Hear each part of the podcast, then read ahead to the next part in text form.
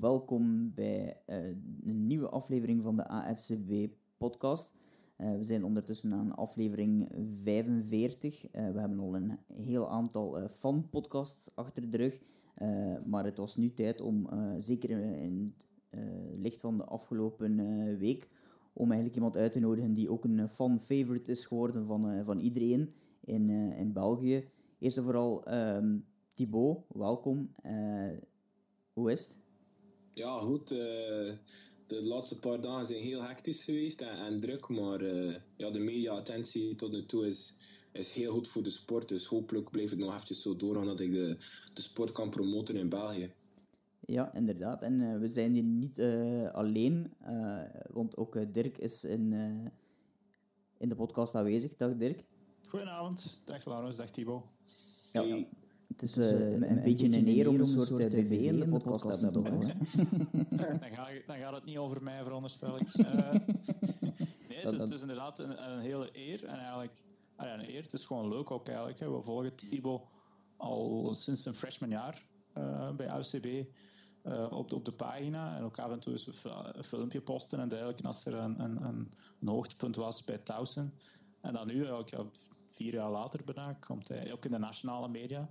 Dus uh, dan kunnen wij er vandaag ook eens dieper op ingaan. Hij heeft voorbije dagen inderdaad wel, ik denk, bijna alle mediakanalen. Uh, wat er straks nog op Studio Brussel zeker? Uh, ja, nee, gisteren op. Oh, was dat gisteren? Ja, ja. Dat was ook wel leuk. Was bij Eva de Roo of bij wie was het? Of bij bij Eva en Max. Ah ja. ja. Oké. Okay. Ja, nee, dan heb ik nog allemaal zien passeren. WTV, Sporza. Ehm, ja, bijna alles, denk ik. Ben je verrast eigenlijk uh, door al die aandacht die je gekregen hebt de voorbije dagen? Uh, eigenlijk wel, want ja, dat, is, dat is eigenlijk ook nooit mijn bedoeling geweest om, om, zoveel aandacht te krijgen. Dat is, Amerikaans voetbal, ik doe dat gewoon heel graag. En, en al het harde werk dat erbij komt, ik doe dat heel graag. Ik doe het ook al sinds mijn 12 jaar, zo hard ervoor werken. En nu plots al die aandacht krijgen, ja, dat, dat is eigenlijk wel leuk, maar ja, dat is eigenlijk niet mijn, mijn hoofddoel eigenlijk. Maar het is wel een hele goede opportuniteit voor uh, ja, voor, voor ons, voor de, voor de voetbalcommunity in België, om onze, om onze prachtige sport te, te promoten en meer populair te maken. Absoluut, dat is uh, een mooie ambitie om te hebben. En uh, het is misschien ook wel een moment om eerst richting de NFL te gaan. Het is een rustige periode op dit moment. Die zal vanaf volgende week wellicht veranderen door de draft. Um, Dirk, jij bent ondertussen bezig aan een mock draft die uh, al een aantal uh, versies uh, ver is, als ik goed begrepen heb. Um, en dat is wel leuk om te doen. En daar gaan we ook volgende week wat meer aandacht aan beschenken, als ik me niet vergis. Hè. ik heb gisteren, ik had 3.0 helemaal uitgevuld. De posting die in onze groep. En toen kwam Tim, denk ik, met, met een schrandere opmerking dat ik uh, de, de, de, Carolina Panthers toch nog een QB gegeven had. Die eigenlijk dus sinds kort uh, Sam Darnold aangetrokken hadden. Dat ik goed genoeg wist, maar gewoon over het hoofd gezien had. Dus kon ik hem volledig terug opnieuw maken. Want ja, dat is, zo werkt het dan bij die mock drafts. Als je één speler verandert, verschuift eigenlijk bijna alles op of, of verandert er dingen. Dus 4.0 en dan... Normaal gezien had ik hem deze week al toegelicht, maar ja, met nieuws van Thibaut uh, schuif ik dat met plezier een week op. Dan gaan we volgens mij volgende week wel een XXL mock draft uh, podcast hebben. Dan, maar dan, hebben we daar wel, eh, wel, tijd voor. Het enige nieuws dat er was, was wel een soort ja, eerbetoon toch aan, aan iemand die op pensioen gaat. Was vorig jaar met of vorige week met Julian Edelman. deze week met um, Alex Smith. Hoe, hoe gaan jullie Alex Smith herinneren? Of hoe kan jij, Dirk, hem herinneren? Uh, wel, laten we toch vooral hem herinneren als die, die comeback eigenlijk die hij gemaakt heeft na zijn letterlijke bijna doodervaring uh, bij Washington. Dus ik denk dat het daarom ook een beetje is dat hij uh, nu op pensioen gaat. Hij zal ergens nog wel, denk ik, backup kunnen gaan spelen. Ik dacht bij, bij de Jaguars. er waren nog enkele andere teams, denk ik, waar hij dan zou moeten competen voor een, een spot. Maar is het, ja, hij gaat richting de 40. Ik denk niet dat dat nog iets is dat hij moet bewijzen. Ehm, dus, dus, ik ga hem daarvan onthouden, ondanks het feit dat hij eigenlijk wel een, een 16-jarige carrière gehad heeft met enkele Pro Bowls en dergelijke. Ja, inderdaad. Hij is eigenlijk als uh, number one overall pick uh, gekozen bij de 49ers. Hij heeft er acht seizoenen gespeeld, maar het werd niet helemaal uh, wat, wat ze er allemaal van verwacht hadden, denk ik. Uiteindelijk wel de Super Bowl gehaald, maar net voor die Super Bowl gebenched voor Colin Kaepernick, die ondertussen voor, voor andere dingen meer bekend is. Um, maar ja, dan in Kansas City eigenlijk een beetje een soort gelijkaardig verhaal had, want ja, juist goed genoeg, maar dan komt, komt Magic Man Mahomes. Um, en dan inderdaad, ja, die blessure, die, die, is dat ook voor u, Thibaut, als, als speler een, een, um, een inspiratie dan? Ja, tuurlijk. Ik denk voor, dat feit alleen al dat hij, gewoon, hij was bijna dood en dan nog kunnen terugkomen en nog uh, ja, een Amerikaans voetbalwedstrijd te spelen op, op het hoogste niveau in de wereld. Ik denk alleen voor dat al dat, dat, dat hij een Hall of Fame candidate is. En ook als je kijkt naar zijn carrière, een heel lange carrière, en als je van zoiets kan terugkomen, ja, dan kan je alleen, alleen maar op opkijken. En dat is echt uh, ja, heel inspirerend. Ja, absoluut. En hij had inderdaad ook niet echt veel meer te bewijzen. Hij had blijkbaar wel nog een physical gedaan bij eh, Carolina. Maar ik denk dat ze enorm verschoten zijn als ze zijn knieën even onder de scanner zullen gelegd hebben. Eh, even nachtmerries van gekregen hebben. Ik weet niet dat hij nog een luchthaven kan passeren zonder in het hokje te moeten. Al dat metaal in zijn lichaam. Ja, inderdaad. Uh, Misschien is dat, dat nog wel opvallend is eigenlijk, dat we dan even teruggaan naar 2005 is het denk ik, dat hij gedraft is geweest. Dat was, uh, ja, voor degene die het ooit deze podcast op video ziet, die, die kan zien waar dat ik zit, virtueel dan, en dat is het Lambeau Field. En uh, dat is dezelfde draft eigenlijk, waarbij dat er een paar kandidaten waren voor de number one overall pick. Uh, was er dan eentje die oh, number one overall gepikt werd, zijn dat ja, Alex Smith.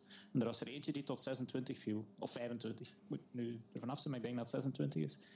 Uh, en dat was natuurlijk Aaron Rodgers, die dan uiteindelijk door Green Bay gedraft werd. Terwijl dat hij eigenlijk uit de streek van San Francisco kwam.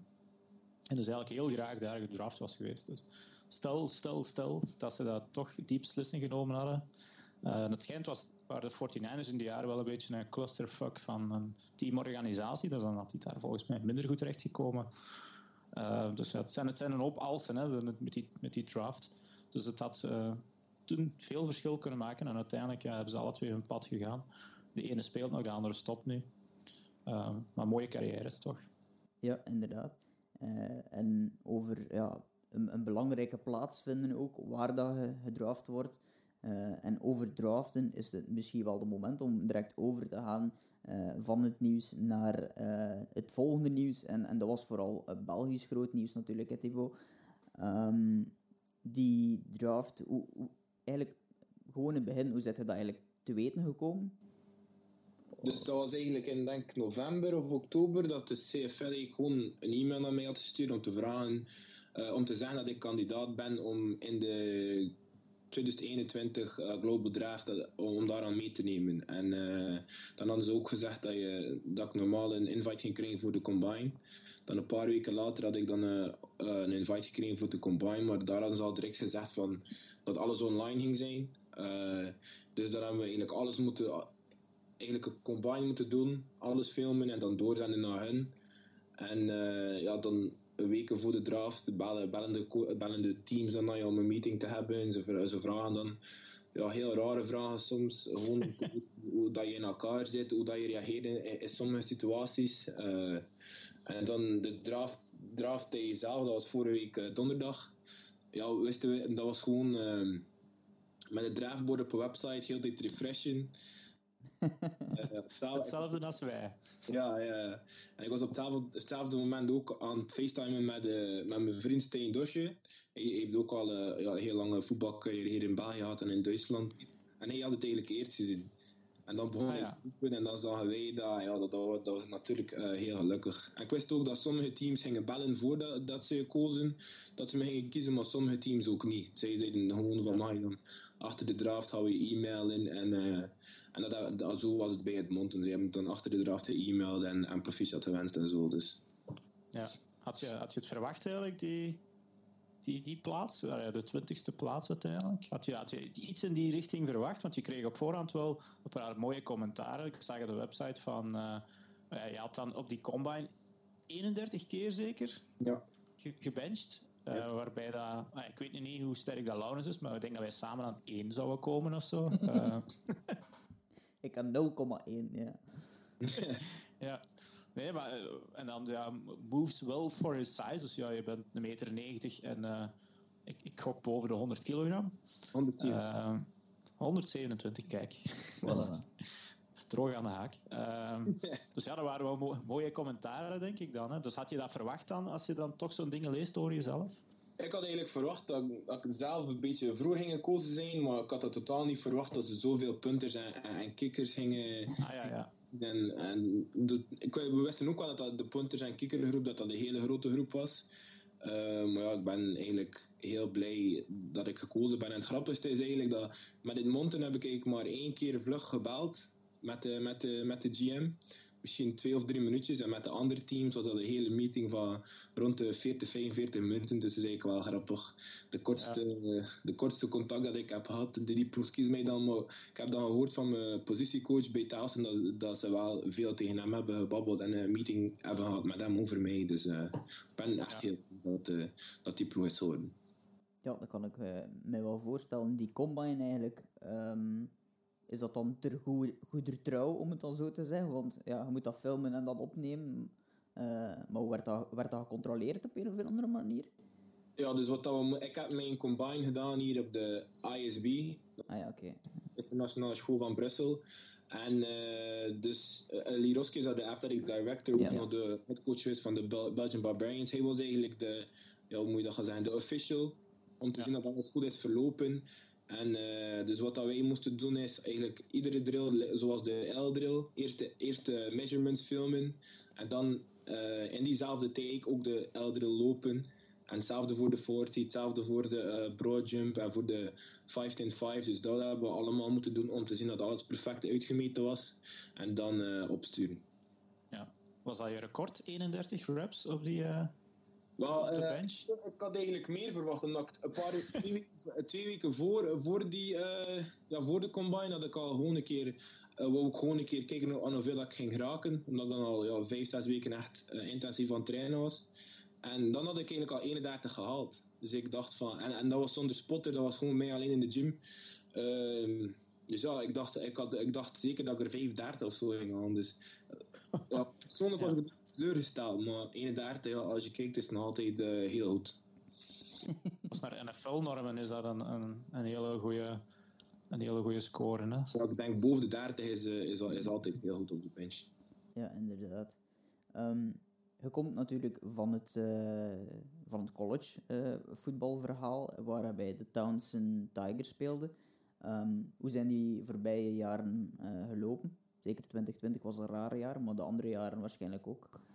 Ja, 2020 was echt een heel raar jaar. Ik, heb in, dus ik ben nog in, in uh, januari ben ik nog vertrokken naar Towson, maar in maart was ik alweer terug in België. Dus uh, ik ben hier eigenlijk al van vorig jaar in maart. Dus al de, al de trainingen en, en ja, eigenlijk alles heb ik op mezelf moeten. We hadden wel een krachtschema, maar ik moest gedisciplineerd genoeg zijn om, om uit mijn bed te, om uit mijn bed te gaan en te gaan trainen. En dat was nog altijd ik was nog altijd deel van de, van de D-line ook. En als de D-line iets verkeerd deed, de, de straf is dan om vijf uur opstaan en naar het stadion te gaan. En dat is jammer genoeg. In, uh, vorig jaar in maart en, en april is dat heel veel gebeurd. Dus uh, heb ik heel veel uh, om vijf uur op, op, uit mijn bed moeten gaan.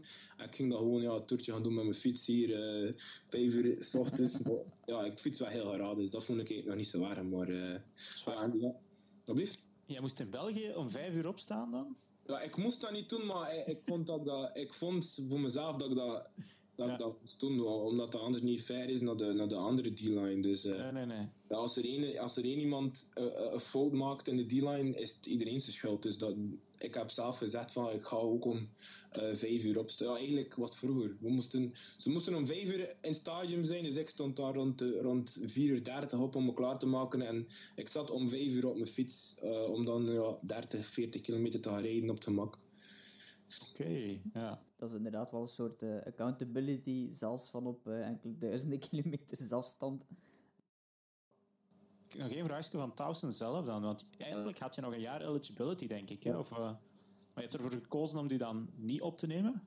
Ja, ik heb daar eigenlijk lang over gepraat met, met mijn familie. En ik ben nu eigenlijk al 23 jaar. Ik word nog 24 dit jaar. En ik ging dan eigenlijk in mijn, in mijn senior season al 24 zijn. En ik vond voor mezelf dat, dat het al redelijk oud is. En dat het gewoon tijd is om ja, mijn leven te starten. Ik studeer nu af binnen, binnen twee, drie weken van Telsen. Dus uh, ik ging al mijn diploma hebben op zak. En wat, dat, wat dat de coaches zei, de coaches wilden natuurlijk dat ik terugkwam. Uh, omdat, omdat ik dan de, ja, eigenlijk de enige senior op de D-line was.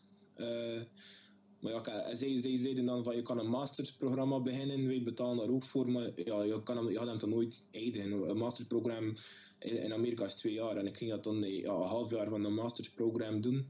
En uh, ja, school is, no, is nooit echt mijn favoriete ja, vak geweest eigenlijk. Ik heb nooit echt graag naar school gaan. Ik heb altijd goede punten gehaald omdat ik er veel voor geleerd heb, maar ik ga niet echt graag naar school. En dan voor naar school te gaan, gewoon... Uh, om eigenlijk niks te bereiken, ja, dat, dat ging eigenlijk niet gaan voor mij. Dus uh, daarom hebben we besloten om, om, niet meer terug te keren volgend semester. Ja, we hebben nog ergens een soort van, uh, ik weet niet wat, een soort award of een, een, een dingen gekregen dat je een, een, een van de goede studenten, uh, allez, student athletes was, waard over Hans het land. Dus uiteindelijk voor iemand die niet, niet graag of niet, niet graag naar school gaat, is het allemaal wel goed gekomen uiteindelijk. Dat is eigenlijk ja, uh, recognition dat ze geven aan de, aan de, aan de voetbal, eigenlijk alleen maar aan de voetbalspelers, dat is de, de National Football Foundation Hampshire Honor Society. En daarvoor moet je tijdens je college carrière een GPA hoger hebben dan 3.2. En ik heb nu rond de 3.36 geloof ik als gemiddelde. Uh, en dat zijn dus even dan aan de spelers die goed, goed presteren op het veld, maar ook in de, in de klas. En uh, ja, ik, ga, ik ben daar eerlijk in, ik ga niet graag naar school, maar ik heb er wel altijd mijn best voor gedaan, omdat ik weet hoe, belangrijk dat is om goede punten te halen. Ja, voor degenen die het niet weten, een GPA, want ik heb ook ooit een jaar uh, in Amerika naar school geweest, high school dan wel maar. Uh, GPA van 3.3, dan heb je volgens mij minstens allemaal B's en een, een redelijk wat A's er ook nog bij. Ja. Dus ja, ja, dat, is, dat is dus 80% of meer, denk ik. Dus dat is echt wel een, een mooie score waar ja, ik bijvoorbeeld in het hoger onderwijs zeker maar van kom. Maar ik moet wel zeggen, hier, eh, ik heb ook veel vrienden die hier in het hoger onderwijs zitten en ja, die studies zijn wel uh, een pak zwaarder. Ik, ik studeer nu wel voor uh, lichamelijke opvoeding, misschien is dat, dat ook een beetje het geval, maar ik heb ook nog altijd ja, anatomie en, en fysiologie gehad. Dat waren eigenlijk wel de, de twee moeilijkste vakken die ik daar gehad heb. Ja.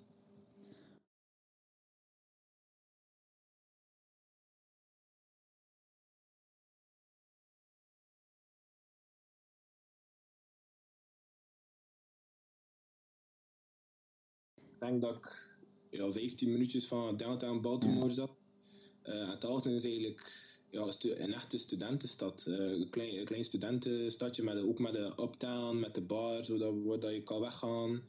Uh, ja, de nodige fastfoodrestaurants, waar je natuurlijk overal hebt. Maar het grootste deel van Towson is eigenlijk, is eigenlijk de campus. Ik denk dat er in Towson rond de 25.000 studenten zitten. Uh, die allemaal op campus wonen of rond. Dus al de appartementen die je eigenlijk ziet, zijn bijna allemaal met studenten erin. Dus uh, ja, tot ik, ik heb er echt wel geamuseerd tijdens die ja, drieënhalf jaar dat ik daar gezeten heb. Dan heb je waarschijnlijk ook wel een, uh, een aantal vrienden die voor het leven gebleven zijn, om het zo te zeggen. Ja, tuurlijk, ik ben daar zeker van. Uh, ze, ze, zeggen ook dat ze heel graag een keer naar, naar België zouden willen komen als corona gedaan is. Dus zeker in, de, in mijn positiegroep weet ik zeker dat dat echt vrienden voor het leven zijn. Ja, want dat is ook een beetje het typische verhaal, denk ik, van uh, in, in die sport, dat ook heel vaak de position groups is die, die, die samenwerken. Dus waarschijnlijk heb je daar een uh, heel aantal vrienden die die terug, of die, eh, die je gehouden hebt, om het zo te zeggen. Ja, tuurlijk. En, zeker de, de, de, de, de spelers die daar gekomen zijn wanneer, wanneer dat ik dat was. En, en ook de spelers die, hmm. de spelers die in mijn recruiting class zitten, zijn wel, gaan wel uh, zeker vrienden zijn voor het leven. Want ik hoor ze nu ook nog ja, wekelijks en zelfs de seniors. Als ik daar zat, de seniors, hoor ik ook nog heel veel. En ze hebben nog gezegd dat ze zeker naar Canada willen komen om het te zien spelen. Dus ja, dat doet wel deugd om dat, om dat te horen. En dat ze nog altijd ja, heel, veel, uh, heel veel steun En ook, ja, ik kwam van België. Ik wist niet echt iets hoe, hoe dat, dat er gaat in Amerika. En zij hebben mij echt gewoon over me ontfermd, die seniors. En, en me, ja, de, eerste paar, de eerste paar dagen dat ik dat was, heb ik in een appartement, in een huis geslapen, ook van een van de seniors. En ja, dat is, ja, dat is, dat is ik ben hun kleine broer eigenlijk. Ze zijn het ook niet Dus ja, dat is echt wel uh, een familie. Ja. Kleine broer van 1,90 meter. 90. zijn, nog groter, dus... Ja, ik kan ik me wel voorstellen dat daar, uh, zeker op de D-line, dat dat uh, de, grote, de grote broers zijn, om het zo te zeggen. Ja, dat zijn, dat zijn ja, de D-line en de O-line zijn, zijn de bazen van de ploeg. Als wij iets zijn, luister, moet iedereen luisteren. Dus, uh, ja. Ja, want echt ruzie, ja. ruzie maken er tegen heeft niet veel zin, denk ik. ja, en ook met de D-line is D-line en de O-line is zo'n hechte groep. Als er iets gebeurt, er is altijd een keer ja, gevecht tijdens training dat gebeurt, dan vliegt iedereen er direct op, om, omdat we elkaar steunen door, door dik en dun. Gebeurt dat ah, ja. vaak op training? Want ik, hoor, ik heb dat nogal gehoord van andere spelers die zeggen van dat dat iets is dat eigenlijk nog geregeld gebeurt op training. Ja, ja dat gebeurt. En ja. zeker tijdens het seizoen, als je zo vijf uur op een bus hebt heeft gezeten en, en dan voor, uh, een match verloren ja. hebt en dan de dag erachter terug moet trainen. En als er één iemand dan weer terug zijn inzet is, geen 100%, ja, dan kan het wel een keer gebeuren dat de koekenbak is. ja, uh, maar achteraf even goede vrienden dan. Ja, natuurlijk. Ik heb één keer ook... Uh, dus tijdens het seizoen speel je altijd tegen... speelt de, de, de first string defense speelt altijd tegen een scout team. Ja. En dan van die running backs op de scout team, zijn effort was echt heel goed. Maar ja, het was, het was een beetje... Ik weet niet dat ik moet zeggen, ja, een klootzak eigenlijk. Wat dat we deden was proberen oefenen op onze... Om, om, een fumble, om de bal te strippen. En wat hij, wat hij dan deed, is iedere keer op onze haam slaan. Ik had het al gezien dat hij dat een paar keer, een paar keer gedaan had. En ik strip de bal van hem en hij slaat ook op mijn naam. En ik heb, dat was eigenlijk, ik heb er niet over nagedacht, ik heb me omgedraaid en we zijn beginnen vechten. Maar dan laten we ons ook gewoon uitvechten en dan is het ook gedaan. En uh, achter de achtertraining hebben we het gewoon ja, een grapje over gemaakt en dat was over. Ja, okay. is ja. Zo moet het ook, hè? Ja, tuurlijk. Ja. Een van die uh, ploegmaats van jou, dat is uh, Tom Flecko geweest. Ja. ja, voor degenen die hem niet kennen, ja, zijn achternaam klinkt heel bekend natuurlijk. En dat is ook de broer van Joe Flecko, veronderstel ik. ook quarterback. En die zit ook in de CFL. Uh, ik, ja, ik, veronderstel, ja, ik veronderstel dat jij dat wel weet, dus uh, heb je nog contact met hem?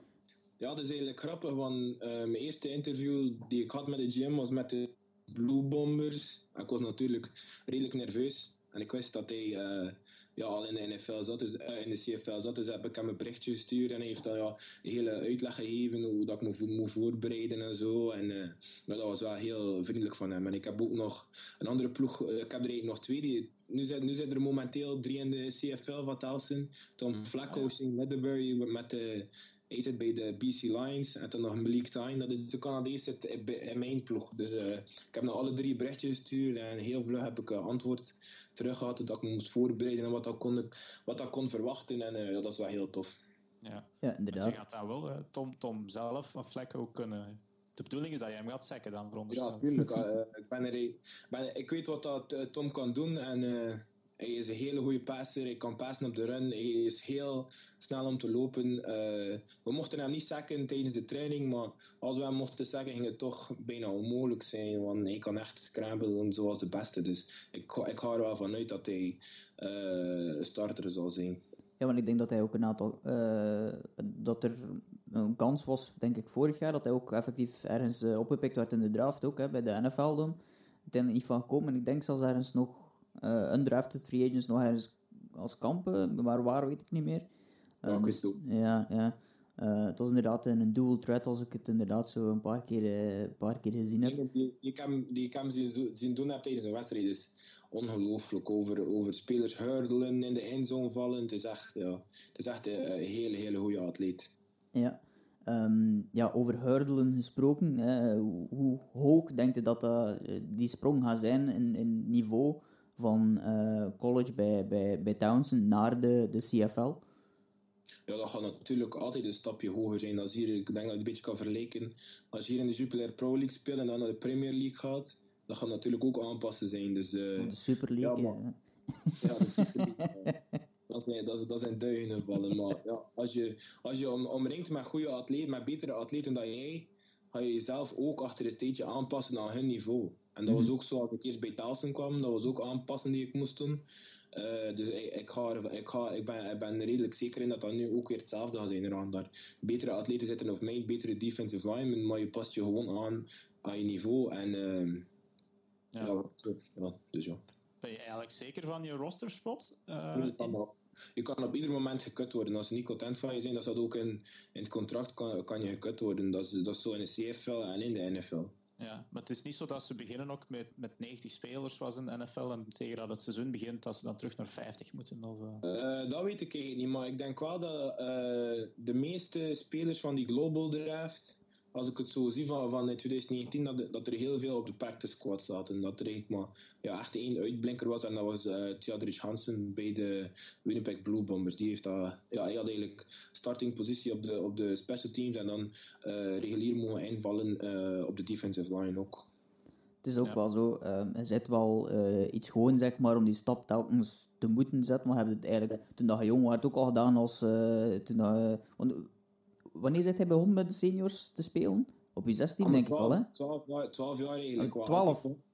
Als ik, als ik begon bij de West-Vlaanderen Tribes, zij hadden geen juniorploeg. Ja. Dus heb ik direct met de grote mannen mogen spelen. Maar ja, aan 12 jaar mag je geen competitiewedstrijden spelen. Nee, je bent nee. daar te jong voor. Dus ik denk mijn eerste senior match was ik. Toen speelde, dan speelde ik nog linebacker. Was tegen de Brussel Black Angels, Black, Black Angels en dat was ja. ik uh, 15 jaar, denk ik. Ja, dat is dan uh, meteen een, een, mooie vuurdoop tegen, uh, tegen meer, meervoudig uh, Belgisch kampioen. Meteen. Dus je zit wel gewoon om telkens ja, die stappen vooruit te moeten zetten. Dus dat kunnen we wel meenemen, denk ik, in de ervaring en in de mindset die je daarvoor moet, moet naar voren brengen. Um, nu, er was... Of, ja, nee, er was een andere vraag, maar, maar eigenlijk... Um, ja, Edmonton zelf, kent hij eigenlijk iets van Edmonton? Van dus de streek? Of? Ja, ik heb alleen een beetje opgezocht en het ziet er een hele mooie stad uit. Uh, ik heb ook gelezen dat, denk 40 dagen op, ja, dat kouder is dan min 20 graden. Dus dat kan wel iets zijn dat ik kan aanpassen. Nou ja, zulke temperaturen hier in België heb je nooit hier aan, aan de kust ook niet. Dus dat, dat is zeker iets dat ik ga mo moeten aanpassen. Uh, en ook, ik heb ook gelezen dat zij het grootste winkelcentrum hebben in Canada. Dus daar ga ik ook proberen van weg te blijven, dat ik niet allemaal had. dat er allemaal van de eerste keer door is dat je moet terugkomen omdat je niets niet meer over hebt. Dat zou wel echt spijtig zijn voor, uh, voor iedereen. Nee, want, want je kende de CFL al op voorhand of ben je het echt pas beginnen, beginnen volgen vanaf dat je wist van... Uh, ah ja, kijk, er is er ook een global draft en dergelijke? Ja, ik ken het de CFL, de CFL zeker al van voorhand. En uh, de, de persoon die eigenlijk mijn, mijn droom heeft toen waarkomen, Brandon Collier, hij heeft mm. nog bij de uh, Winnipeg Blue Bombers gespeeld. Dus ik ken de CFL al redelijk lang eigenlijk. Ja, ja dat is een van die, uh, die jongens die inderdaad uh, nu als een soort agent werkt, denk ik, hè, richting een, een aantal spelers in, in, in Europa om die te proberen naar. Ja. Ja, ik zou niet zeggen echt een, een agent, want ja, ik weet, bij mij weten, hij kreeg dat, hij, nee. hij vraagt ook geen geld aan, aan, aan, geen een van die spelers. Het enige dat hij geld voor vraagt is zijn de kampen die hij organiseert en de campagnes die hij organiseert. Maar ik kan uit mijn ervaring spreken, wij hebben voor niets moeten betalen. En uh, zelfs voor de, voor de vluchten die ik, ik heb dan van...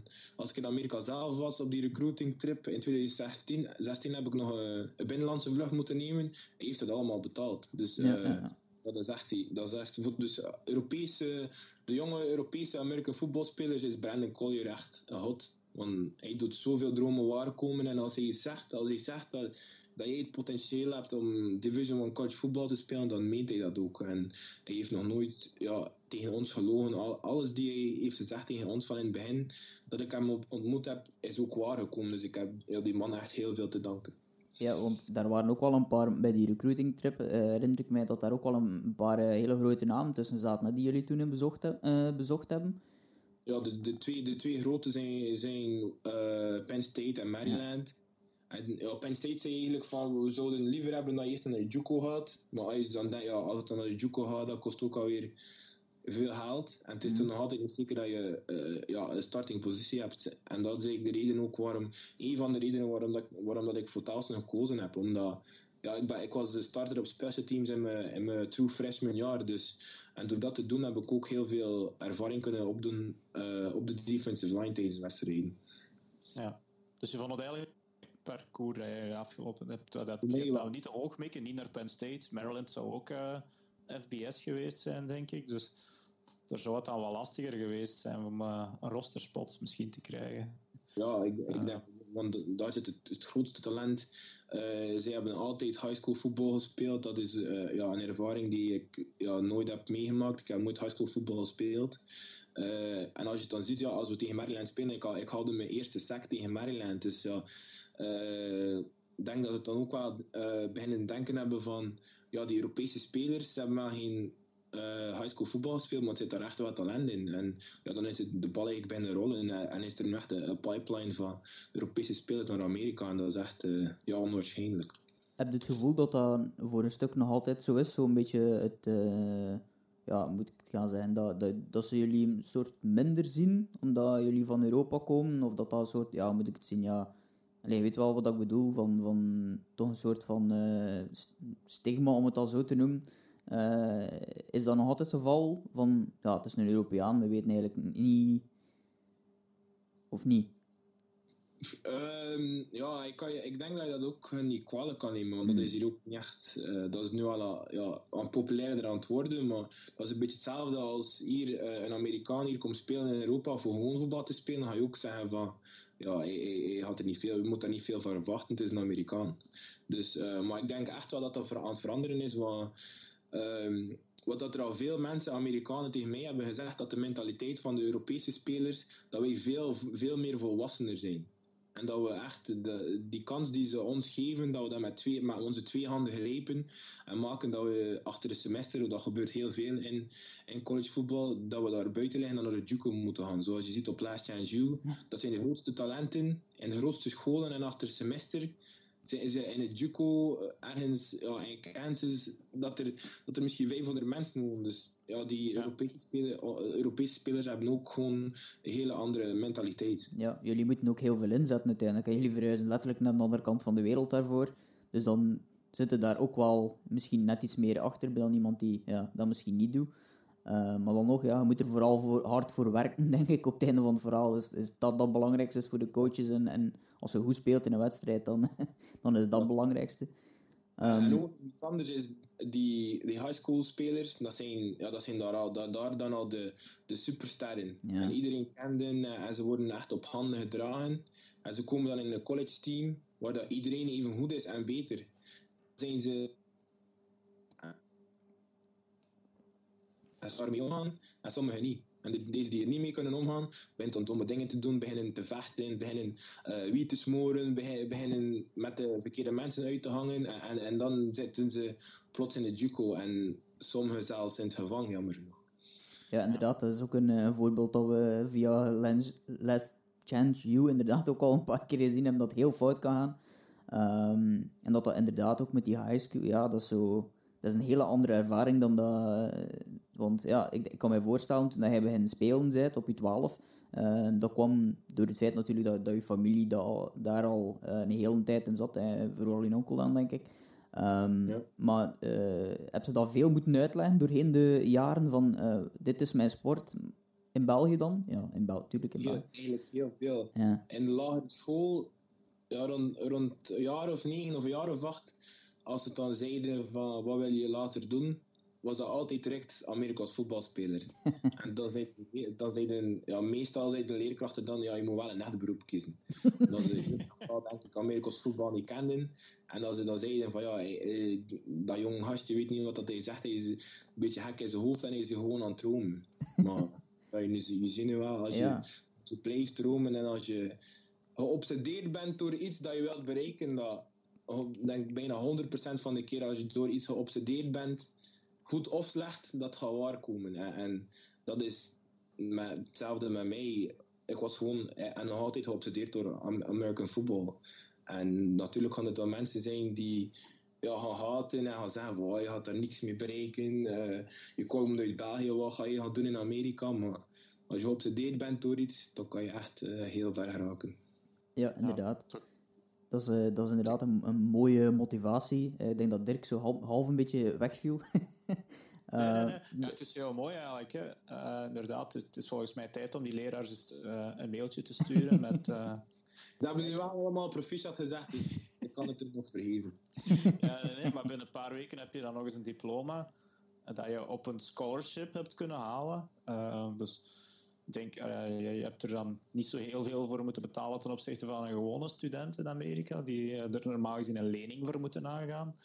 Plus je hebt dan nog de mogelijkheid op een carrière, ja. um, die toch, ja, oké, okay, het, het, zijn geen NFL-lonen, maar het is toch al uh, een begin, denk ik. Hè. Ja, je zal toch wel de best verdienende voetbalspeler van België zijn, veronderstel ik eigenlijk. Ja, dat is iets dat, ik, dat niet in die lijst stond, maar dat ik mij wel aan het afvragen was uh, doorheen het gesprek. Omdat ik ben in de tijd uh, ooit eens mee geweest naar Spanje met de Belgian Barbarians. Ik heb een aantal keer voor de Barbarians gespeeld, maar een beperkt aantal keer, omdat we heel vaak ja, natuurlijk in Amerika zat. is dat iets wat je wel nog hoopt in de toekomst te doen voor nationale ploegspelen? Ja, tuurlijk. ik, ik ben Ah, wanneer dat ik in college speelde, was dat eigenlijk geen, geen optie. Kan je niet voor, dan kan je niet voor je nationale ploeg spelen, omdat je alleen maar voor je college team kan spelen. Maar nu dat ik bijna afgestudeerd ben, als de Barbarians terug een match hebben en als ik, als ik niet in Canada zit, ja, dan ga ik daar sowieso zijn. Ga ik op iedere training zijn en, uh, en proberen, proberen te winnen. Want ik denk, de match die ik al, al gespeeld heb met de Barbarians, dat, dat we nog maar één gewonnen hebben. Dus ja, dan moet er wel veranderingen komen. ja, het is wel, uh, wel handig om je erbij te hebben dan uh, iemand die van, uh, van daar komt. Want er zijn ook in, in, in België, vooral de duidelijkheid, hij gaat nu naar Canada, zijn er ook wel nog een aantal, denk ik, die in de VS spelen, of die ook op college zitten. Ik denk Sylvain, ja. ik weet niet of ik het juist moet uitspreken. Sylvain Jundion. Of Sylvain Hick of Sylvain Jundion, hij heeft twee achternamen. Ja, ja. Ah, oké. Okay, hij doet dat ook heel goed bij Georgia Tech. Hij heeft ook al veel wedstrijden mogen spelen.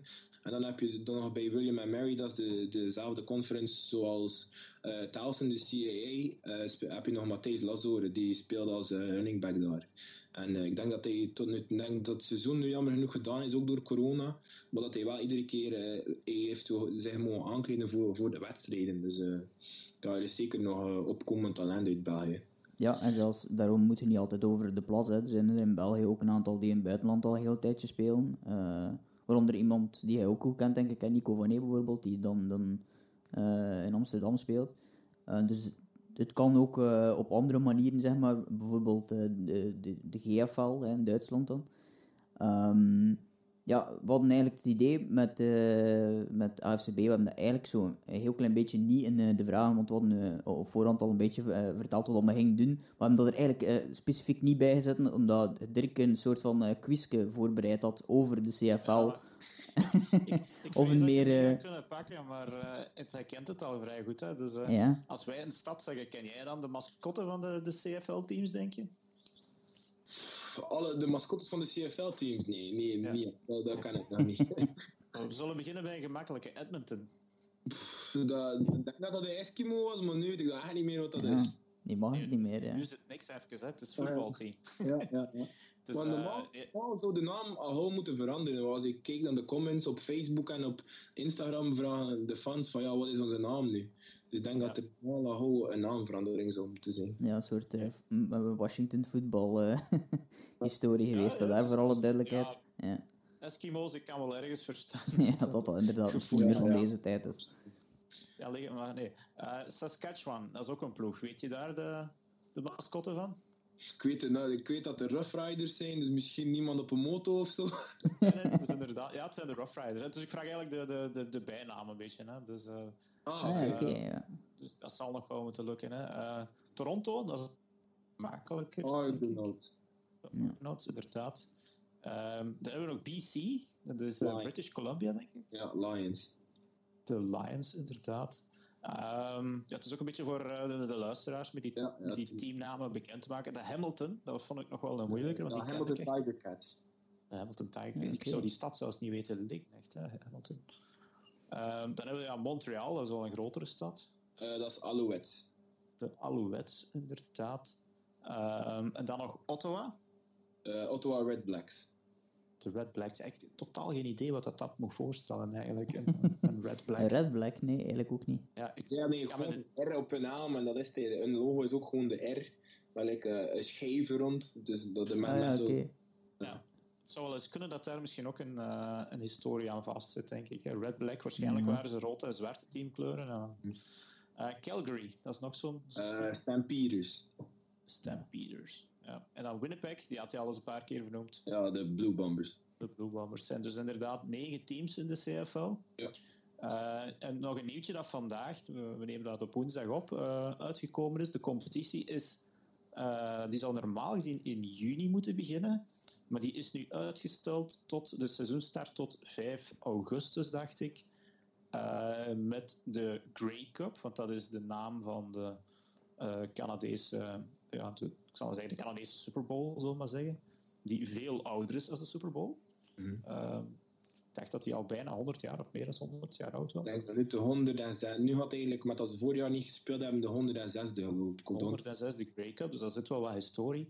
Ja. Um, dus ja, vertel eens even, die, die, uitgestelde seizoenstart, heeft dat invloed op jouw uh, schema? Voor mij eigenlijk komt het beter uit. Met, met dat ik maar afstudeer midden mei, ging het ja. al redelijk. En onze eerste, onze eerste pre-season game was voor 29 mei. Dus nu dat dat allemaal een beetje verlaten is, komt dat ja, eigenlijk perfect uit voor mij. Nu, nu ga ik denk ik ook meer tijd hebben om te acclimatiseren aan Canada en aan de ploeg en aan de, de coaches. Dus voor mij komt het eigenlijk uh, beter uit. Wanneer vertrekt je dan eigenlijk naar, uh, naar daar? Dus ik heb vandaag uh, een mail gestuurd. Uh, ze weten ook zelf nog, met dat ze nu nog maar juist het nieuws hebben gehoord, weten ze ook nog niet wanneer dat de reporttijd is. Maar van zodra ze iets weten, ja. gingen, het, gingen ze um, het er zo rap mogelijk zenden. Maar ik denk begin juni, midden juni misschien, dat ik al naar daar vertrek. Het is wel uh, ja. lekker als ze daar zo min, meer dan min 20 graden en dan in die winter nog, nog net aan moeten spelen dit jaar. En de Grey Cup, de Grey Cup valt in december, begin december. Ja, dus, 12 uh, december inderdaad. Dat is, ja, uh, het zal vooral een witte cup zijn, denk ik, als, de, als het weer is. dat ja, is. Het door als dat kan. Ja, ja. en als, je de, als, als het sneeuwt, de quarterback goed strippen van een bal, want anders komen ze met een of andere obscure regel uh, zoals ze uh, ooit uh, bij Oakland en New England gedaan hebben. En dan komt er een tuck rule verhaal van. Dus op tijd tackelen. ja. um, misschien nog één belangrijk ding, want we hebben het dan over de CFL al de teams zo gehad, maar er zijn ook andere regels, ja. Thibaut. Ja. kan je een paar verschillen tussen de, de CFL en dan de NFL of, ja, of college regels, zoals dat jij ze kent eigenlijk, iets over vertellen? Dus het plein is van endzone, van het begin van de endzone tot aan de andere begin van de endzone is uh, 110 jaar. Ah, ja. Dus uh, het plein is ook breder. En, als je kan, en zoals je, uh, als, als er al iemand een CFL-wedstrijd gespeeld heeft, uh, gespeeld heeft, gezien heeft, de endzones zijn ook veel groter. En op offense denk ik een van de grote regels is dat de, de wide receivers zoveel mogen motion voor de snap als ze willen. Uh, en je mag ook met, met 12 spelers op een plein staan. Uh, en denk dan de grootste, de grootste aanpassing voor mij zal de regel zijn dat je één yard van de line of scrimmage moet, moet, uh, moet staan als D-line. Dus we mogen niet, ja. dicht, we mogen niet dicht, zo dicht mogelijk bij de bal staan, maar we moeten altijd één yard van de, van de, van de, van de line of scrimmage staan. En dat kan, als je dat meevraagt, veel voordeel hebben, omdat je je hebt meer tijd om te reageren wat dat de offensive line doet. Als je heel dicht bij de bal staat, heb je maar een paar ja, milliseconden om te zien welke blok, welke, als, als, het, als het een passblok is of een runblok. En dan als het een runblok is, welke runblok dat is. En dat moet allemaal heel rap gebeuren. En nu dat je één jaar, uh, ja, eigenlijk één jaar uh, buffer room hebt, kan je wel een beetje langer, uh, heb je langer tijd om te reageren. Ja, want dat is ook iets, denk ik, voor mensen die de sport casual volgen, uh, die weten misschien wel de positie van een uh, defensive end. Um, die kennen dat misschien een beetje. Die zien vooral de defensive end die uh, de quarterback tackled of sackt. Um, maar misschien kort uitleggen, wat zijn uw taken dan eigenlijk allemaal? Wat is uw takenpakket richting zo'n wedstrijd? Is dat... Ja, dus, dus als, de, voor, als de defensive lineman is eigenlijk gewoon de bedoeling om de offensive lineman zo snel mogelijk te verslaan en dan de balcarrier te tackelen. De balcarrier kan de, de persoon, dat kan de QB zijn, de quarterback die de bal smijt. Als je die dan uh, sackt in de pocket, is, of als hij nog achter de line of scrimmage is, is de sack. En dan kan je ook nog altijd, dan kan hij de bal afgeven aan de running back. Dan moeten we zo snel mogelijk de running back tackelen. Of als hij de bal smijt naar de wide receiver, dan moeten we hem zo snel mogelijk omdraaien en dan ja, uh, achter de wide receiver proberen te lopen om hem uh, te tackelen. Wat is ja. uw sterktepunt? Zijn meer een, uh, een run defense of meer iemand die, uh, die probeert uh, de pass te rushen? Dus de, de, de laatste jaren bij Towson focusten wij als de D-line echt heel veel op de run. Het was run, run mentality first en altijd eerst denken dat het run is en dan reageren op de pas. Dus uh, wij speelden vele techniek. Een 4-eye techniek, dat is de, uh, de, midden, de, middenste schouder, de binnenste schouder van de offensive tackle. De offensive tackle is de persoon die aan de buitenkant staat van de offensive line. En als het, um, dus als de run was, had de offensive tackle waarschijnlijk naar jou toe komen, hadden wij de B-gap. Dus dat is de, ja. dat, het gat tussen de tackle en de guard. Um, en als het pass was, moesten we eerst nog altijd maken dat onze B-cap gesloten was. En dan via de buitenkant proberen de tackle te verslaan, om dan zo de, de QP te containen. Uh, en dan hem proberen te sacken. Maar dat is iets dat heel moeilijk is. Dus ja, de laatste paar, zeker de laatste seizoen die ik gespeeld heb, was ja, hoofdzakelijk uh, run defense. Ja, inderdaad. Ja. Goeie swimmove, heb je dat? uh, swimmove gebruik ik niet echt zoveel, omdat de offensive tackles zijn ook ja. Ja, heel groot normaal, 6 voet 5, 6 voet 6. Dus als je een swimmove over zo'n grote kerel gaat doen, had hij je normaal gemakkelijk kunnen, kunnen wegsmeten. Ja, dan komt hij van... Om zoiets te horen van iemand van 130 kilo. ja, dat, dat gebeurt, dat ja, dat gebeurt met de beste. Ja, inderdaad. Hè. Dat, dat zie bij iedereen. Kijk je dan, uh, als je NFL kijkt of, of uh, college kijkt, uh, zit dan als defensive lineman ook vooral daarmee bezig? Ja, exact. Ik kijk, ik, ik, ik altijd pre-snap. Als ik iets kan zien aan de offensive line, dat verraadt. Als de run of een pass kan zien, dus meestal... als de guard pulled, de, moet ik dat uitleggen of was dat verstaan? oh, het, is, het, is een, uh, het is een voetbalpodcast. Ja, het is hier in Studio Brussel. Dus uh, ik ga ervan uitgaan dat er specialisten ja, ja, aan het luisteren zijn. Polen kan, zal de meeste wel kennen. Ik kan, dat, ik kan dat meestal zien, omdat hij een klein, klein beetje achteruit staat uh, tegenover de, de center. Dus dat zijn dingen die ik probeer uh, ja, op te letten en dan zien hoe dat de defensive line reageert. Ja enige grote voorbeelden uh, uit de NFL die jij eigenlijk uh, bewondert?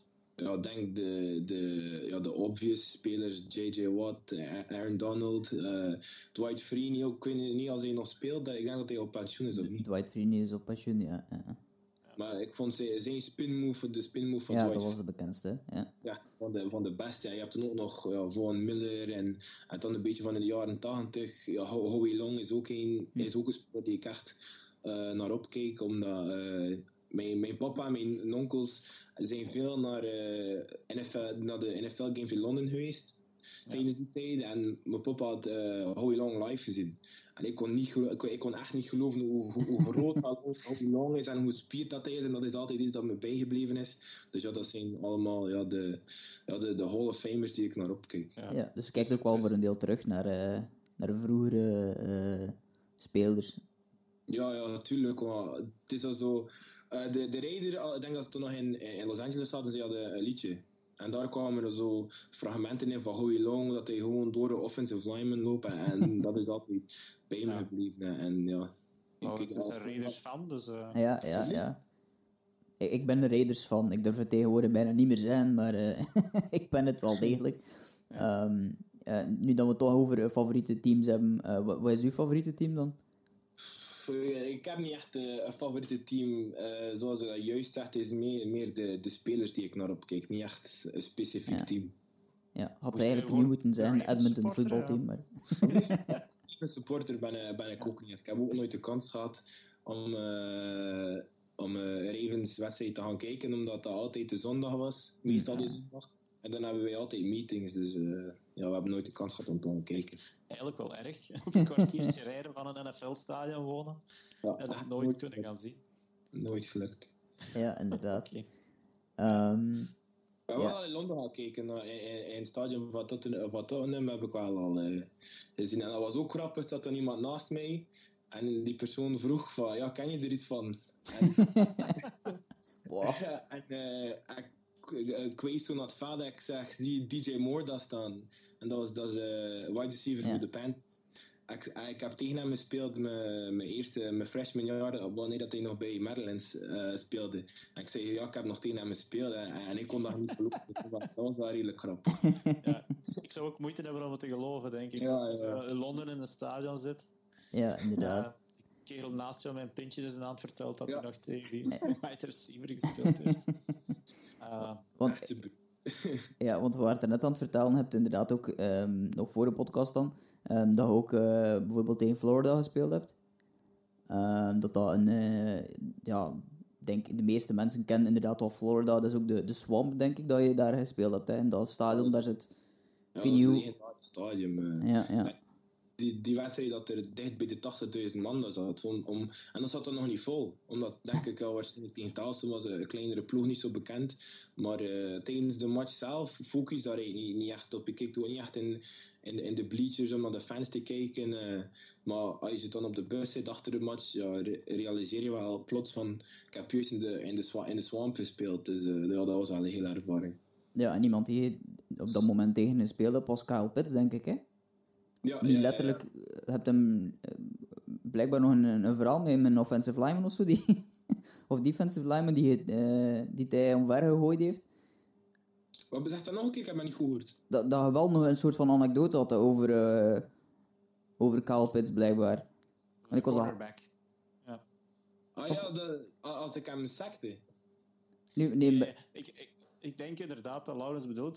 We hebben, uh, misschien kunnen we dat filmpje op de pagina smijten, maar ik, hij werd, de, film, de, de hoofdpunten dat ik gezien heb, ja, Kyle Pitts, toen kende ik hem nog niet, want ik heb die wedstrijd van jullie toen gevolgd. Uh, heel vreemd, dat was ook een van de enige wedstrijden dat ik constant naar de D-line zat te kijken. Dat was een heel andere belevenis van een wedstrijd.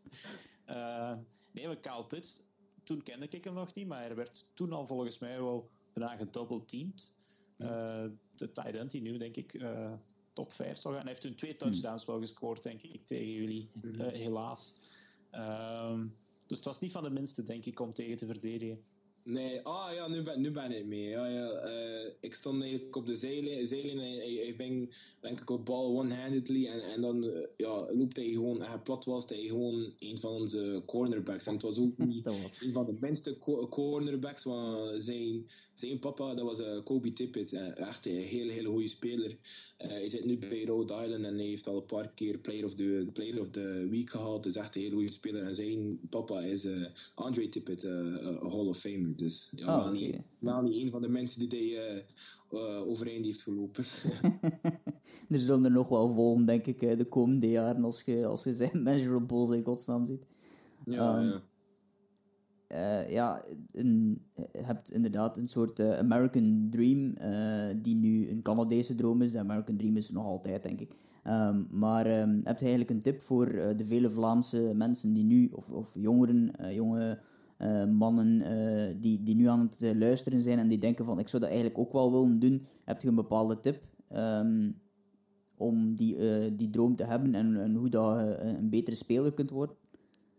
Ja, ik denk dat ik het al eerder heb gezegd. Je moet ja. echt gewoon geobsedeerd zijn met, met, met, je droom. Voor mij is dat ook altijd de droom geweest. Hè. Sommigen zeggen, ja, dromen zijn bedrog. Maar als je echt geobsedeerd bent en er, alle, en er alles aan doet om, om je droom te doen waarkomen, kan het alleen maar waarkomen. En uh, ja, ik ben al van mijn 12 jaar ben ik al beginnen met gewichten werken, ja, op het gemak opbouwen en dan uh, ja, gewoon echt heel hard getraind. Niet naar feestjes, dat is ook iets heel belangrijk. Niet naar feestjes gaan. Uh, niet, heel, niet uh, pinten drinken en al. En mijn papa, ik weet dat nog goed, als ik denk dat ik rond 12 of 13 jaar was. En ehm, ja, mijn papa zei, als je wel pinten gaat drinken ieder weekend, doe maar. Maar dan gaan we je niet, uh, niet, niet, uh, support, ja, we je niet uh, steunen in, in, het Amerikaans voetbal zoals dat, dat, ze dat nu gedaan hebben. En dan wist ik van, ja, ik kan er wel, zoals hier zijn Meleen erachter leggen. En ik heb dan ook echt alles gedaan om, om die droom te doen waarkomen. En ja, ik heb ook wel iets wat ik altijd doe, is, is kijken naar andere mensen die heel succesvol zijn in hun sport. En dat kan iemand zijn zoals uh, Wout van Aert of Mathieu van der Poel. Of, ik ben ook een hele grote fan van Conor McGregor. Ik, ik neem daar inspiratie uit om dan ook mijn doelen te verwezenlijken. En, en dat helpt me wel uh, heel goed. Ja, en zoals dat net al... sport, ja. Ja, inderdaad. Ja. Hè? Ja. Dan de, ja, het, is, het is vooral de, de mindset die je da daarin ook heel erg kunt, uh, kunt meenemen. Het is, misschien wel, het is misschien wel een andere ja. sport, maar de mindset die ze hebben is ook ja, je moet echt maniacaal bezig zijn met wat je doet. En Conor McGregor heeft een hele goede quote en, en, dat gaat, en hij zegt van I've lost my mind doing this game like Vincent van Gogh. En dat is een quote die altijd is, is me bijgebleven, omdat als je, als, je, als je verstaat wat hij zegt en dat toepast met wat jij wil bereiken, dan is, dan is er een hele, hele grote kans dat je het ook gaat bereiken. misschien als je nu nog maar juist Amerikaans voetbal begint te spelen, is dat misschien dat dat nog heel ver weg is. Maar als je er alles, echt alles aan doet en ervoor leeft, 24 op 7, dan kan het bijna niet anders dan uitkomen. Ja, inderdaad. Je moet er heel veel voor over hebben. Uh, ik herinner me, een paar weken geleden had ik uh, een telefoon met Wout van Aert zelf. En die vertelde toen dat hij um, na het WK, dus zijn kind, zijn, zijn klein man is denk ik op woensdag of donderdag geboren, die ja. George. Uh, ja, dus dat hij um, de hele week eigenlijk al ja, en bijna niet had kunnen slapen daarvan, maar dat hij dan uh, nog een dag thuis was. En dan is hij gewoon, terwijl hij een klein, dus maar een paar weken oud was, gewoon drie weken op rij vertrokken naar Spanje. Heeft hij gewoon, nadat die klein was maar een paar dagen oud, en is dan vertrokken naar, naar Tenerife. Uh, is teruggekomen letterlijk voor één dag, om nog even toch maar zijn klein te zien, om vervolgens drie weken te vertrekken op Italiaanse tour richting de Strade Bianchi en al. Dus de, de mindset die je inderdaad moet hebben om als uh, topsporter te slagen is, is ja, uh, heel groot. En als we dan toch over familie hebben, in het Wout, verhaal, van Aert dan, omdat het nu zelf aan af moest ik eraan denken.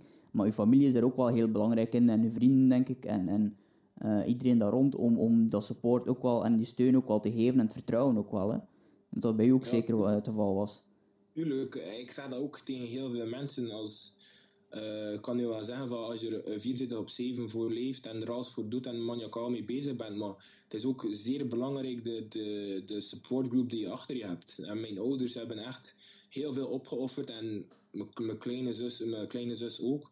Um, om, om mijn doel te doen waarkomen. En ze hebben altijd me gesteund, uh, financieel en emotioneel. Want we, hebben al naar vele kampen geweest hier in Europa. Dat je dan hoort dat ze van ja, we gaan dit voor je doen, we gaan dat voor je doen. Maar dat er gewoon niks van waar komt. En dat kost ook allemaal heel veel geld. Ik ben in 2014 naar, naar uh, kamp geweest in Amerika.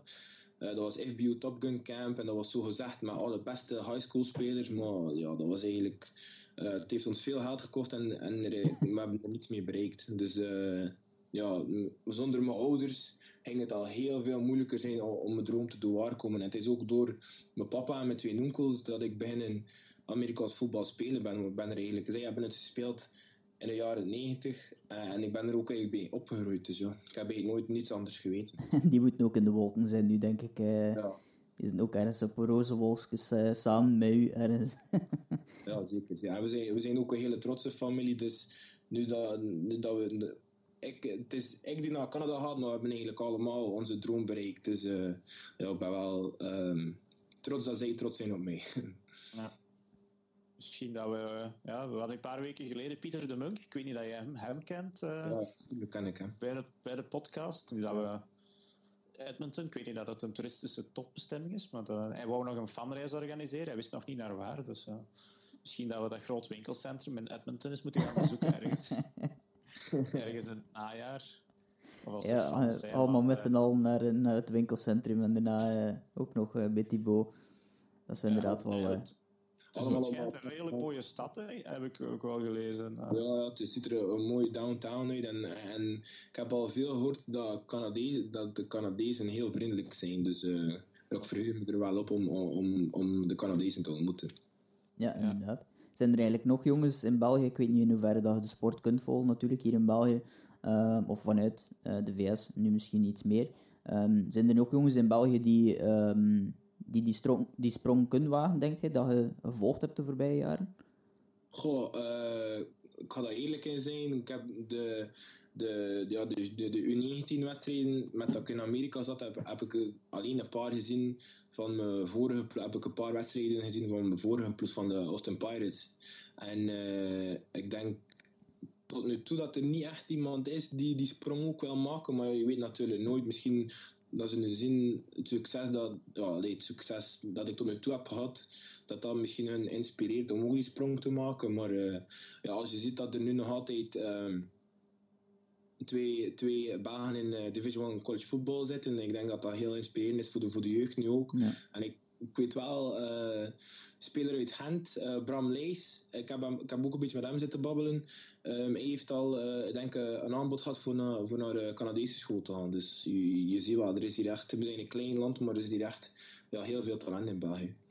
Ja, ziet u zelf dan ook als een voorbeeld voor die jongens? Uh, voor, ja, een voorbeeld, dat, dat, is raar om dat over jezelf ja, te zeggen. Ja, het is moeilijk om het over ja. je heen te zijn natuurlijk. Ik ben gewoon altijd mezelf gebleven en altijd geloofde in mezelf en, uh, en uh, ja, er alles voor gedaan om mijn droom te doen waarkomen. En als dat iemand kan inspireren, inspireren ja, dan, en als ze me zien als een voorbeeld, dan, ja, dan ben ik daar wel trots op ja, dat moet inderdaad zeker zijn, want het is ook een soort, ja, uh, een, een, een idee voor, voor alle Belgen van het is niet onmogelijk, zie wel, want het, het kan wel degelijk als er nog niemand in geslaagd is om het te doen.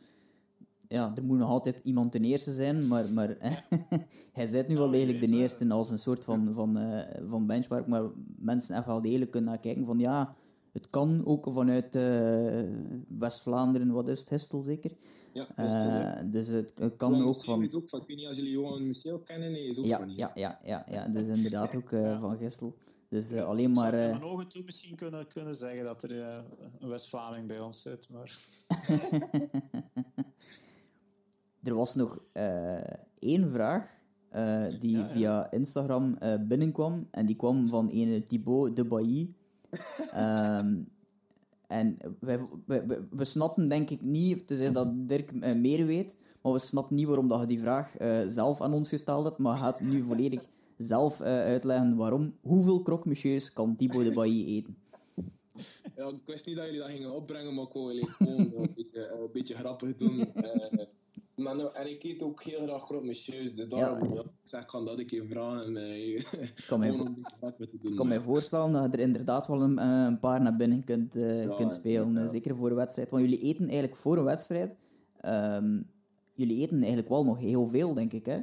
Het aantal... Ja, dat is, als dat uh, een match is dat begint om 12 uur s smiddags, dan ontbijten we wel heel vroeg. Maar dat is altijd van de... de Um, het ontbijt is altijd gewoon een continental breakfast, dus eigenlijk redelijk licht.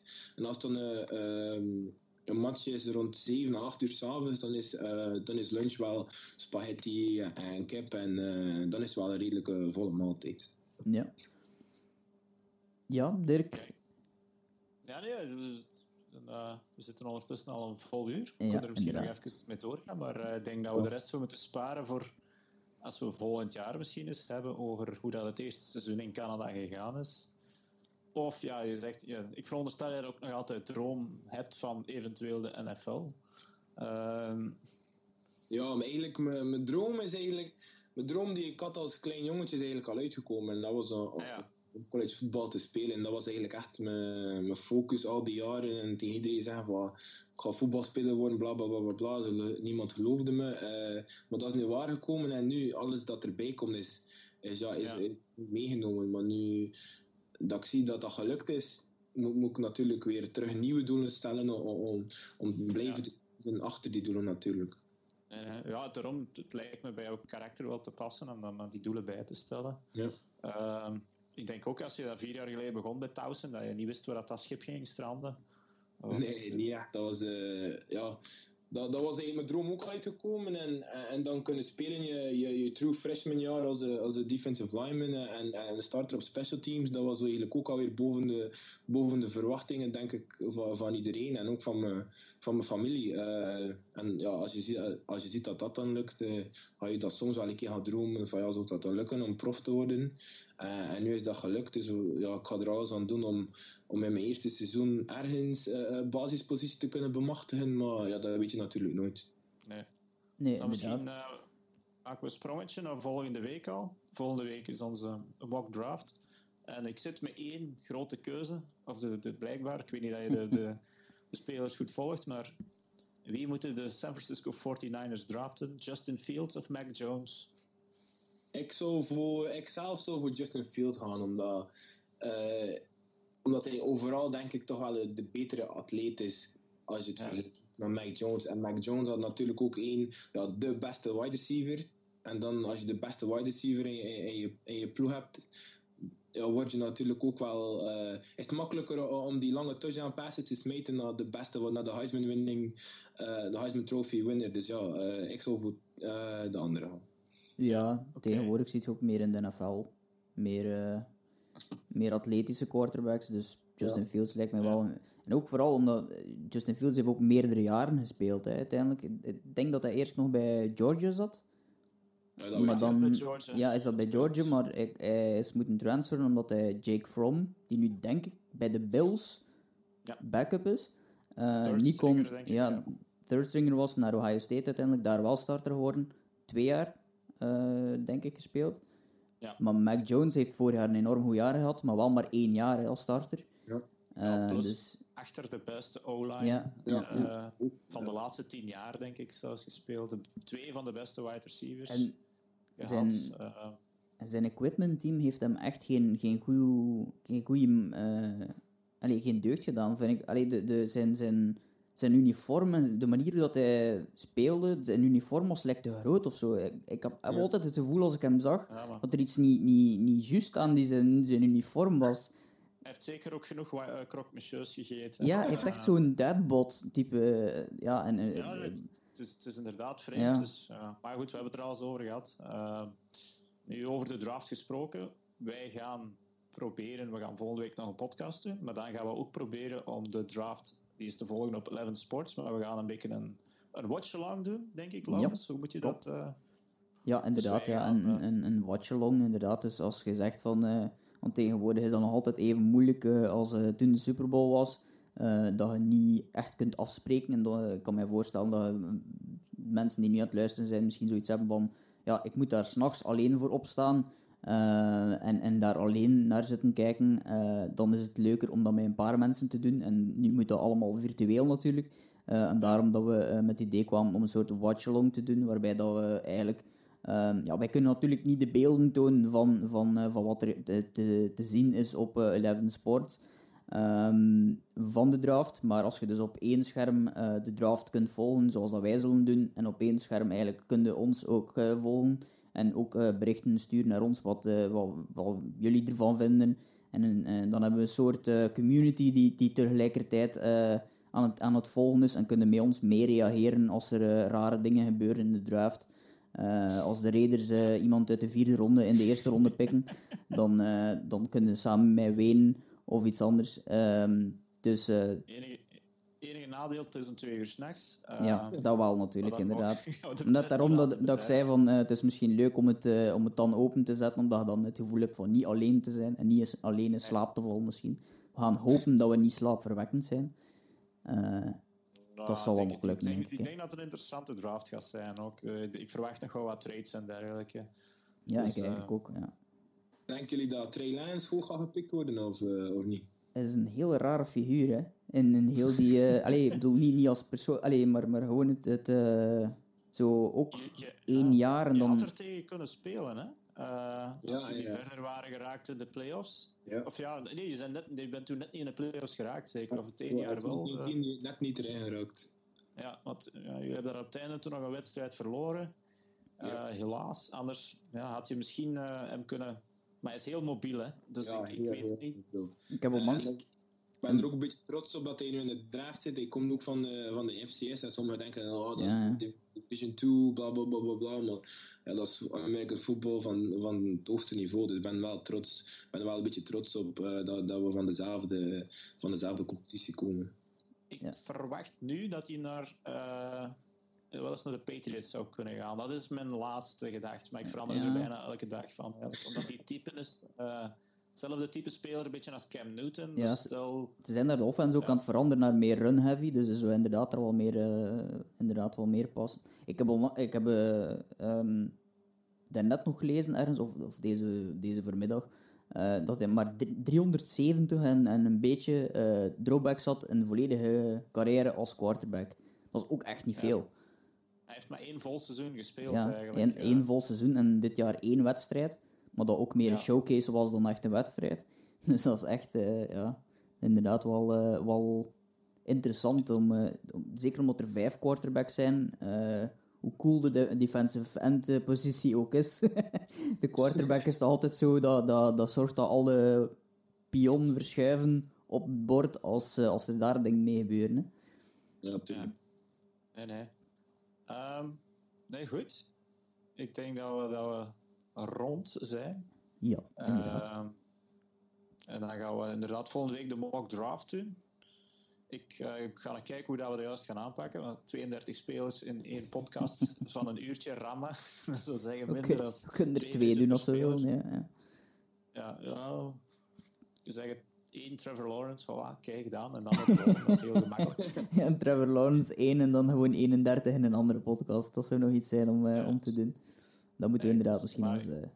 Ik, ik, kijk er nog naar uit. En uh, ja, we mochten ook zeker niet vergeten dan om ook naar Eleven Sport met Frans en Jurgen te kijken. Ja, ja, ja. Dus, Vrienden inderdaad ook van, van de podcast. Um, Oké, okay, dan denk ik dat we inderdaad uh, kunnen afsluiten. Thibaut, uh, succes de komende maanden en uh, jaren. dus laten we hopen dat het jaren en nog vele jaren is.